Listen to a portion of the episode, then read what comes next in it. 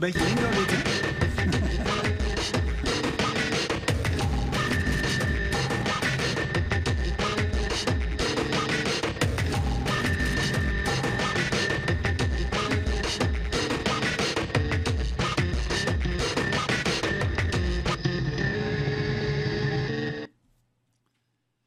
Een goedendag, Topnames, een programma over de invloed van digitalisering op de wereld. Vandaag, in deze uitzending, hebben we het over eh, 3D-printing. Bart Veldhuizen, jij bent van Shapeways, een eh, internationaal vermaard platform. Waar dit soort dingen uit de printer rollen. Onder andere. Vertel Ja, jij eventjes klopt. wat, Ja. wat, wat, we, wat we hier zien en, wat het, en hoe dat tot stand Wat komt. we hier zien. Nou, het, het- je zegt al, we zijn een platform voor 3D-printing. We, we, zijn, eh, we noemen onszelf een, een, een community. We hebben zo'n 100.000 gebruikers die onze, onze opdrachten geven om objecten te maken voor ze, te verkopen voor ze. Eh, en eh, wat je hier op tafel ziet liggen, komt uit die community. Dat zijn allemaal dingen die door hun ontworpen zijn. En die worden geprint in verschillende materialen. Dus dat, dat wit wat je daar ziet, dat, Wat is, eh, dat is nylon. En al die witte modellen zijn hetzelfde materiaal. En als je nylon dun genoeg maakt, dan wordt het dus heel flexibel. Dus dan kan je er stuitenballetjes van maken. Als je het dikker maakt, dan wordt het oersterk. En je kan er ook bewegende constructies mee maken, zoals dat poppetje hier. Ik zal het je laten zien. Dat is een, eh, een speelgoedversie van, een, eh, van de kunstobjecten van Theo Jansen. Die maakt die strandbeesten, die enorme PVC-constructies. Maar sorry dat ik je nou gelijk onderbreek, maar voor de gemiddelde kijker, printen, hoe kun je dit nou in godsnaam printen? Nou, het, het werkt eigenlijk dat? allemaal globaal op dezelfde manier. We maken laagje voor laagje eh, objecten. Dus we beginnen met een laagje poeder. En dan gebruiken we soms een laserstraal, soms eh, lijm. Dat hangt een beetje af van het materiaal wat we hebben. En dan maken we één dwarsdoorsnede eh, in dat poeder. En dan voegen we een nieuw laagje poeder toe en dan herhalen we de truc. En dat duurt heel lang, want het zijn laagjes van 1 tiende millimeter dik. Maar eh, tien uur later heb je dit, zeg maar. In een En- doos met En dit is iets, want dat is het bijzondere ervan, ook vaak nog. Hè. Daardoor kan je dingen maken die je op geen enkele andere manier zou kunnen maken. Je Ja. kunt ook gewoon Ja. natuurlijk gewone dingen maken. Een balletje of een, eh, of een wieltje van, een, van een koffer. Maar je kunt eigenlijk ook voorwerpen creëren die anders niet mogelijk waren geweest. Klopt, ja. En, ja, goed, soms zou je het misschien op een andere manier wel kunnen doen hoor. Een leuk voorbeeld is bijvoorbeeld dit, eh, dit speeltje. Dat is toevallig door een Nederlander eh, ontworpen. En objecten zoals dit worden gewoon in één keer geprint. Dus die worden niet later in elkaar gezet. Maar omdat we dwarsdoorsneden maken, kunnen we dus balletjes in balletjes maken. Die geen naden hebben of wat dan ook. Kan ik me nog niet voorstellen, jij? Hoe dat dan gaat Nee. met die dwarsdoorsneden. Ja, nou, ik, ik toevallig wel. Eh, Ik, ik ben ooit in, eh, in Amerika bij, in een laboratorium van Technicolor geweest. En daar maakten ze prototypes van nieuwe type apparaten, iPads, eh, achtige tablet dingen. Waarbij ze gewoon keken hoe bepaalde vormen, hoe functioneel dat dan was, om te kijken wat ze in productie gingen nemen. Wordt het daar veel voor gebruikt? Dat, dat is de herkomst van de techniek. Hè. Ze noemden het vroeger ook rapid prototyping. En dat was ook echt bedoeld voor de, de industriële vormgevers om te kijken of hun modellen goed in de hand lagen, of dingen op de juiste plek zaten enzovoort. En eh, het is al zo'n 18 jaar oud, 20 jaar oud ongeveer. En in die 20 jaar heeft het zich enorm snel ontwikkeld. En wat je nu dus ziet, is dat we van de rapid prototyping eh, geëvolueerd zijn bijna tot een kwaliteit die goed genoeg is om producten mee te maken. en ook eh, de kostprijs is... eh, Ja, dat tegelijkertijd. En, en, en dat is ook het hele idee achter Shapeways. We hebben geprobeerd om zo'n grote schaal te bereiken, dat je die printers heel efficiënt in kan zetten. Want om Ja. een idee te geven, als Ja, maar wij... nou nog, even, nog even terug naar het principe. Hè, van, is, is een grote verandering ook dat je, waar vroeger als je een prototype maakt of iets wilde vormgeven, dat je fysiek aan de slag moest om dat te maken. eh, dat jullie, eh, dat het 3D-printen de, de, de, de verbinding heeft gemaakt met het elektronische ontwerpen en het vervolgens opleveren van een fysiek product. Daarvoor bestond dat niet. hè. Ja, het stelt wel mensen in staat om iets te doen wat ze een paar jaar geleden niet konden. Je kunt op een computerscherm, in een 3D-programma kun je iets Klopt, je, je tekent dit Maken? hè, met enig verstand van zaken, want dat moet natuurlijk wel Je hoeft, niet, en kunnen eh, je hoeft niet, geen verstand te hebben van eh bijtels, hout, kunststof. Je moet eh, alleen weet ik verstand hebben van, nou, ik ga met dit soort plastic werken, dus ik moet zorgen dat het minimaal zo dik is, of dat het niet dicht op elkaar zit, want dan smelt het vast enzovoort. Zeg je, als, je, als, als mensen eh, verkeerde, eh, als ze zeg maar een ontwerp indienen bij jullie wat daar niet aan voldoet, zeggen jullie dat dan ook? Ja. Joh, dit gaat niet werken. Ja, we doen een aantal automatische checks. Dus we gaan je model instuurt, dan kijken we van, nou, ja, voldoet het aan een paar basisvoorwaarden. En dat gaan we eh, ook verder uitbreiden om verder te kijken van, nou, kunnen we dit echt printen in plastic en kunnen we het printen in staal, want daar gelden weer andere spelregels voor. Maar je kunt al die stoffen in principe uit een 3D-printer. Ja, nou ja, in ieder geval wat we hier op tafel hebben liggen. Ja, dus ik heb hier een aantal dingen meegenomen, een paar plastics, Ehm, zoals dit, hè, de nylon prints. Uh, ligt daar heb je toevallig ja, eh, roestvrij staal. Dobbelsteentjes. Ja, dat zijn roestvrij stalen dobbelstenen. Nou, je, je hoort het wel, hè? En dat zijn eh, zilveren modellen. Dus gewoon gegoten zilver, ja. En eh, daar kan je dus ook prima gewoon eh, juwelen mee maken, bijvoorbeeld. Ook voor vergelijkbare prijs. Want zo'n zo'n setje kost ongeveer 100 euro om te printen, schat ik. En voor dat geld heb je dus in huis. Dus je kan ook heel, op een heel aanvaardbare prijsniveau je eigen juwelen maken nu. Eh, en dan is het wel je eigen spul. Ja. En daarin sluit het ook weer mooi aan op die hele maker movement die je tegenwoordig ziet. Mensen willen gewoon geen massaproducten meer hebben. Als het even kan, dan vind je het leuker om het zelf te ontwerpen. eh, dan om iets uit, eh, uit de massa te kopen. Net Of, zoals- ja, of anderszins als een kunstenaar een, een ding maakt wat maar één keer geprint wordt. Hè? Ook, Dat ja. is een andere... En, en wat we dus ook zien is dat, eh, kijk, of wij nou één zo'n ding printen of duizend, dat maakt ons niet uit. Het is, niet, het is ook niet duurder om er eh, één te maken. Je kan gewoon met een kleine oplage beginnen. En wij vinden het dus eigenlijk leuker als je gepersonaliseerde objecten maakt. En we moedigen mensen ook aan om, eh dat noemen wij creators te maken, dat je zegt van ja, ik, ik ontwerp iets, maar ik heb daar onze, als ontwerper nog een beetje speelruimte in gestopt. Dus je kan als klant aangeven wat je daarmee wil. Wil je een beetje groter, kleiner, wil je er een tekst op, wil je er een plaatje in Maar verwerken? wat zitten dan daar ook raakvlak? Kijk ook even naar jou. hoor. Hoe Jij bent van de moderne uitgeefconcepten. Zitten, is dat niet wat eh, dit soort dingen, de make fair, het, het personaliseren van printen, ook vergelijkbaar is met, de, met wat er in de uitgeefwereld bijvoorbeeld gebeurt? Dat, dat de gepersonaliseerde print, Ja. één Ja. boek, één, Just in time. En, eh, is ja. dat niet de grote verandering waar we allemaal mee te maken hebben? Van de massaproductie, Ja, ik van ben de niet zo grote thuis in de uitgeverswereld, maar inderdaad wat je zegt, je gaat wel af van, het, van, van massa en je gaat naar gepersonaliseerd toe. En ook naar persoonlijkere eh, objecten. Dat klopt. Hey, En- en jullie, er zitten zitten een paar, een paar dingen aan hè, die, die interessant zijn wat jullie doen. We komen straks nog even over de community en, en ook de dingen dat mensen mogen, in welke gevallen ze ontwerpen mogen hergebruiken, dat soort Mhm. zaken. Ook mogen doorborduren, eh, dat- speelt een rol. Als we eventjes tot, tot de materie eh, beperken. Ehm, een aantal jaren geleden, heb ik, ik heb dit dingetje gekregen van, van, ooit van een kunstenaar. Toen jij dat zag, zag je eigenlijk al dat het oud was, hè, want het was grof Ja. materiaal, zei jij. Hè? Dus, dus de ontwikkelingen gaan hard. Eh, toen ik bij een middag was over dit onderwerp, was de vraag van anderen, maar kunnen we dan straks ook bij wijze van spreken een, een mobiele telefoon uit een, uit een printer laten Ja. rollen? Hè? Want die bestaat uit verschillende materialen. Nu heb je ehm, eh, wel, je kunt verschillende materialen gebruiken, maar zeg maar één materiaal tegelijk, Klopt, zoals ik het eh, zie. Zit die toekomst eraan te komen, dat je het ook kan er gaan beginnen nu al combineren? printers te komen die meerdere materialen tegelijk combineren. Eh, die bijvoorbeeld harde en zachte materialen kunnen, kunnen mengen ook met elkaar. Dus dan kan je het een, een beetje hard maken bijvoorbeeld. Ehm, maar de, de toekomst is absoluut dat je gewoon eh, een laptop kan uitprinten of een telefoon. En dat, ja, ik vind het moeilijk om daar precies een jaartal aan te plakken, maar het zou me niet verbazen als je dat binnen 15 jaar kan doen.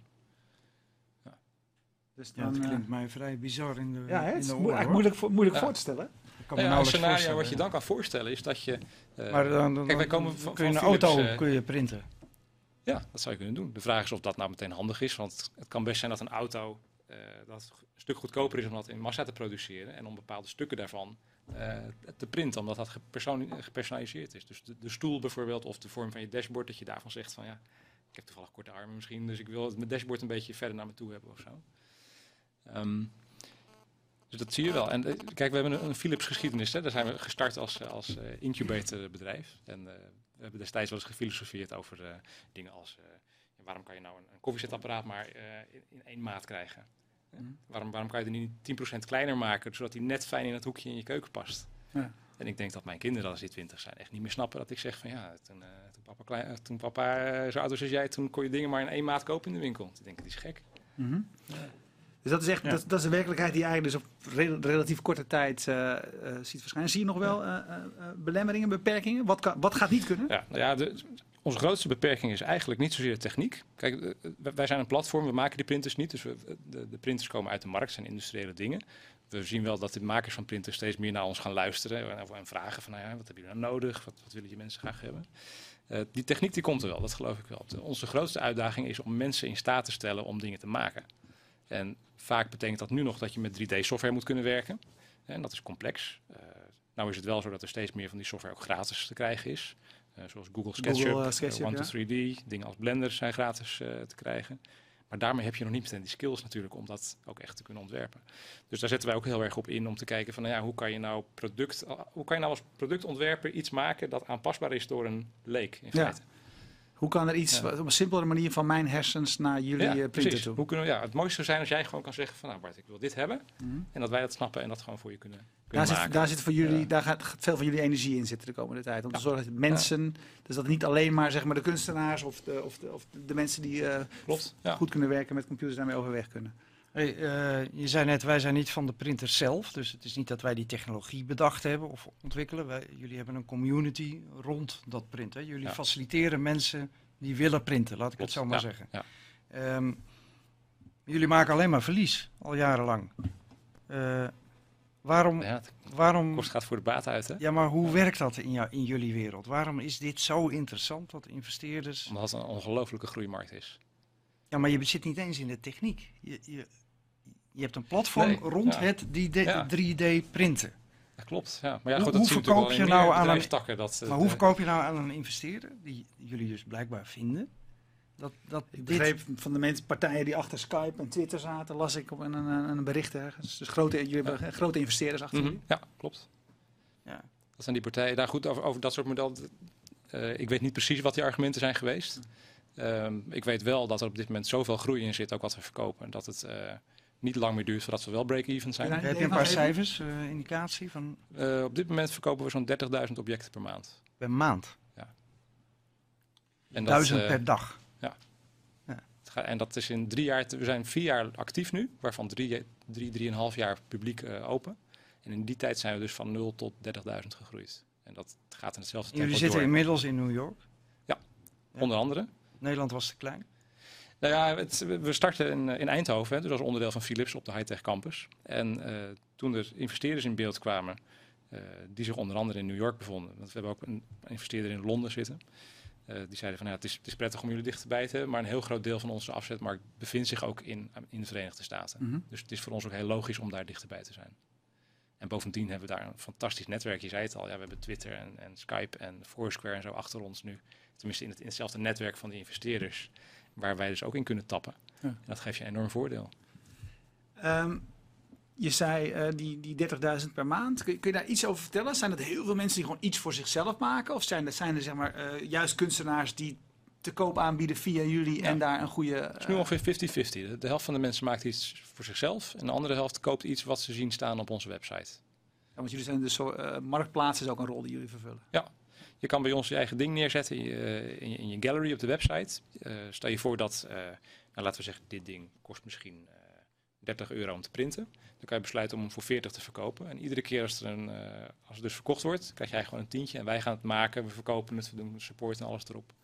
En eh, er zijn dus al mensen die eh, hun baan hebben opgezegd. Die verdienen al genoeg aan hun shop eh, op onze website om daarvan te leven. En die zijn dan wel weer heel goed in marketing en zo, dat hoort er dan wel weer bij. Ja. Ja, jullie zitten in Amerika, hè? En ik, Ja. ik zat me af te vragen met al dat de, de strenge wetten daar en terrorisme. Het is natuurlijk met, met dit soort technologie. Hoe het, het eh, antiproliferatieverdragen, Ja. het, het stoppen wapens, printen, eh, Ja, klopt. Ja. explosieve Niet alleen in technologie, Amerika, maar in Nederland ook. kopiëren van technologie. Eh, worden jullie in de gaten gehouden door de Amerikaanse geheime dienst? Dat vertellen ze meestal niet. Nee, maar we, we Maar, worden ben, wel in de maar gaten ben je daar bewust Het, van eh, dat, dat ja. dit een, een Tuurlijk. Ja, kijk, sowieso toen we in Nederland startten was het ook al eh, een punt. Omdat je, je mag hier ook geen wapens printen. Ook al is het een speelgoedwapen en is het roze. Maar dat kun je dus, mag hè, dat met, met die Ja, dat kan. apparaten. Ja, dat kan. Ja. Eh, die halen wij er dus zelf uit. Voor zover we dat herkennen als eh, zo'n object. Eh, wat we nu ook wel vaker zien is dat mensen ja, dingen printen waar ze geen recht eh, voor hebben. Dus niet de intellectual property. Hoe bepaal je dat? Nou, dan krijg je een brief uit Hollywood bijvoorbeeld. Hè? Mensen die, Ja. die dingen uit films namaken en verkopen. Die Ja. krijgen binnen, binnen een week een brief tegenwoordig. Dus dat, die houden het echt in de gaten. Maar zijn jullie dan, de, bedoel, dan zeggen, zeggen jullie van we halen, het uit, we halen het uit de winkel. Maar goed, het heeft al in de winkel gestaan. Dus hoe zit dat met jullie? eh, Ja, dat, eh, in, eh, onder de Amerikaanse wet is het zo dat wij hebben een, een dat noemen ze een safe harbor status. Dat is hetzelfde als YouTube heeft bijvoorbeeld.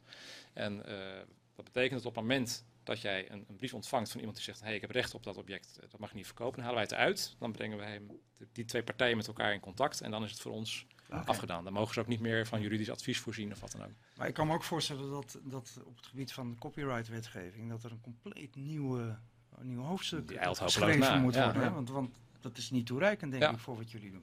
Het leuke is nu juist dat je je Nike schoenen zelf kan eh, printen straks. Ja, maar ja, goed. De vraag is natuurlijk hoe snel de industrie dat, eh, dat doorkrijgt. Dat, gaat, dat zie je in de plaat- en de muziekindustrie nou ook niet echt heel eh, succesvol gaan. Eh, maar, maar inderdaad, eh, er, er moet iets aan die doen we nu een wetgeving quiz. Welk ja. liedje hoort u nu uit de telefoon van Steven komen? Ja, ik neem even niet hoor. Nee, even niet. Dat is eh, Boys Don't Cry van The Cure. Ja, sorry. We doen nog zo ons best om geen muziek in deze uitzendingen te hebben, want anders krijgen we de Buma stemmen op ons Ja, dit is een ringtone. Oké. Dat is wat anders, hè? Ja, we hadden het over copyright. Ja, dat is, eh, toen dacht iemand, ik zal even bellen. Kun je iets vertellen over het type materiaal? Want dit, dit lijkt heel erg of het een kunstenaars-site is. Is, is er Mhm. dat ook? Of zie je daar ontwikkeling in? Wat mensen bij jullie eh, laten printen, wat ze bedenken? Mensen maken echt de gekste dingen. Je kan, er, t- je kan het zo gek niet bedenken. Je ziet inderdaad hier wat, wat dingen als juwelen liggen, accessoires, speelgoed, iPhone-hoesjes. Maar eh, toevallig heeft een collega van me laatst zijn uh, bugaboo gerepareerd. Die moest 250 dollar betalen voor een, voor een reserveonderdeel. Hij zit in Australië, dus het is een beetje, een beetje moeilijk. Hij dacht van, nou weet je wat, ik maak het zelf wel. Dus hij heeft voor 2500 dollar een stalen dingetje geprint. En heeft het daarmee gerepareerd. En dat zien we ook vaker. Mensen die oude robotjes maken. Net had je een verhaal van iemand die zijn eigen raketten maakte. Nou, dat doen ze ook. hè, Dat, eh, heel gespecialiseerde stukken. Eh, speelgoed wordt gemaakt. Eh, nou, verzin het eens. Dit Ja. onderwerp van dit programma is dus het verstoren van markten, van werelden. Wat verstoren jullie? De productieketen. De mensen kunnen nu zelf hun, hun object maken met een oplage van één. Kijk, als je dit vroeger wilde maken, wilde laten spuitgieten, dan moest je eerst een, een mal produceren en daarna moest je tenminste vijf of tienduizend dingen produceren voordat je uit de kosten kwam. Nu is dat niet meer. Je maakt er één. Je maakt dat ene dingetje voor 30 dollar en that's it. Als je even de vergelijking trekt met eh, eh, zeg maar andere dingen die in de digitale wereld wat echt verstorend is, hè, dan Mhm. heeft het ook vaak te maken met dat je eh, dingen eerst kunt opnemen en vervolgens kunt uitprinten. Mhm. Dus je ziet iets, dat neem je in 3D op Ja. en vervolgens stuur je het naar je printer en dan, dan ga je kopiëren. Ja. Is dat in theorie al mogelijk? Ja, ja ik, Of in ik, heb er, ik heb er eentje bij me in de doos. Er zijn 3D-scanners inderdaad. Maar is dat niet het moment, net als bij de muziekindustrie, de filmindustrie, dat je denkt van hé, hey, dit zet een heleboel op zijn kop? Ja, wellicht. Ik denk, niet, ik denk dat het veel belangrijker is dat, dat mensen weer wat meer macht krijgen over hun eigen eh, Ja, dat is objecten. een mooie Ja. idealistische... eh, Ja, ja, nee, maar dat, eh, dat, zie je, dat zie je ook aan, maar- aan die hele, aan die hele Maker Faire eh, movement bijvoorbeeld. Mensen Nee, willen gewoon meer natuurlijk- dingen nee, doen. Dat is natuurlijk gelul. Ik bedoel, Ja. je kunt straks... Die 3D-scanner, waar, waar heb je dat ding? Ja, pak hem even. Daar stop je dus een hele... Ik heb scanner niet hier, maar ik heb een voorbeeldje. Daar stop je dus een heel duur Ja. eh, eh, object in. Dat scan Ja, je. in dit geval iemand zijn opa. Ja. En die heeft hem gescand Heel duur object. Nou, hij leeft nog net. Nou ja, kijk, wat, wat, je, wat, je, wat zo'n scanner natuurlijk doet, is die, die scant de buitenkant. Hè? Dus stel je voor dat je iets, eh eh, iets werkt. En stel je voor dat je deze microfoon zou willen scannen. Dan heb je nog niet de, de, de binnenkant te pakken. Dus ik geloof niet dat je dat zo 1, 2, 3 Nee, maar eventjes eh, nou voor, namaakt. ik heb een hele dure een stuk gereedschap. Een, een, een, een bijtel of zo. Wat van, Ja, dat zou- ik dat- weet dat wat van wat voor soort staal dat gemaakt is. Dat scan je. Je weet wat het materiaal is. En je print het. Ja. Voor een fractie van de kosten. Ja. Dus we gaan wat we met de muziekindustrie hebben gehad. Het illegaal kopiëren. Wat we met de filmindustrie kijken. Met de boeken. Dat gaan we straks met objecten krijgen. Ongetwijfeld. Ja, daar hadden we het net al over, hè, dat die hele copyright-wetgeving daar ook wat mee moet doen natuurlijk. En dat, dat de markt zelf daar ook op, met oplossingen moet komen. Want waarom maak je dat ding na? Omdat het voor jou goedkoper is om Ja. zelf te printen. En dan ge- geef je misschien, vind het niet zo erg om iets minder kwaliteit te hebben bijvoorbeeld, maar wel lekker goedkoop. En dan kan je als producent misschien beter zeggen van, nou jongen, weet je wat, eh, wij verkopen jou gewoon die file op, eh, op Amazon of op Shapeways liever.